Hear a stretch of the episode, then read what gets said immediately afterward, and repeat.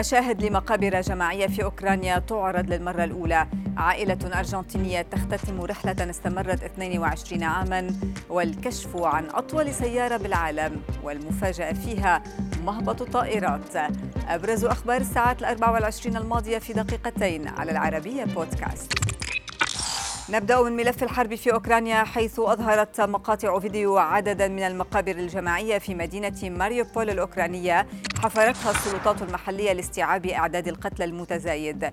وسائل إعلام أفادت بأن ماريوبول محاصرة منذ 12 يوما وتتعرض لقصف روسي متواصل مشيرة إلى أن مئات الآلاف من السكان الذين يقيمون فيها أصبحوا بلا مياه وبلا تدفئة بينما تتحدث حصيلة رسمية عن سقوط نحو 1500 قتيل. في المدينة.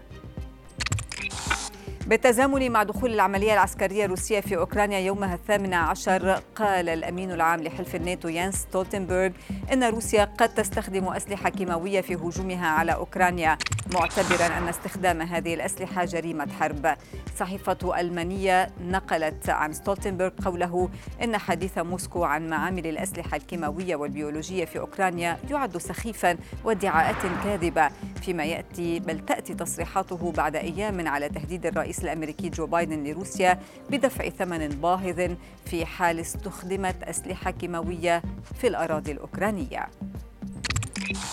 بعيدا عن أخبار الحرب في أوكرانيا وإلى أستراليا تحديدا حيث تشهد انتشارا لفيروس التهاب الدماغ الياباني في مناطق عدة بعد تفشيه للمرة الأولى على الساحل الشرقي الذي ضربته الفيضانات.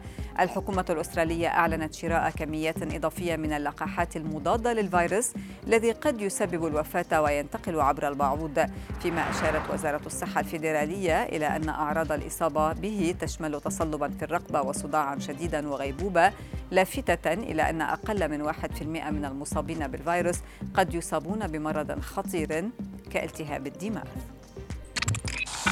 في حادثة قد تكون الأولى من نوعها اختتمت عائلة أرجنتينية اليوم الأحد رحلة سفر بالسيارة. استمرت 22 عاما وشملت أكثر من 100 بلد حول العالم.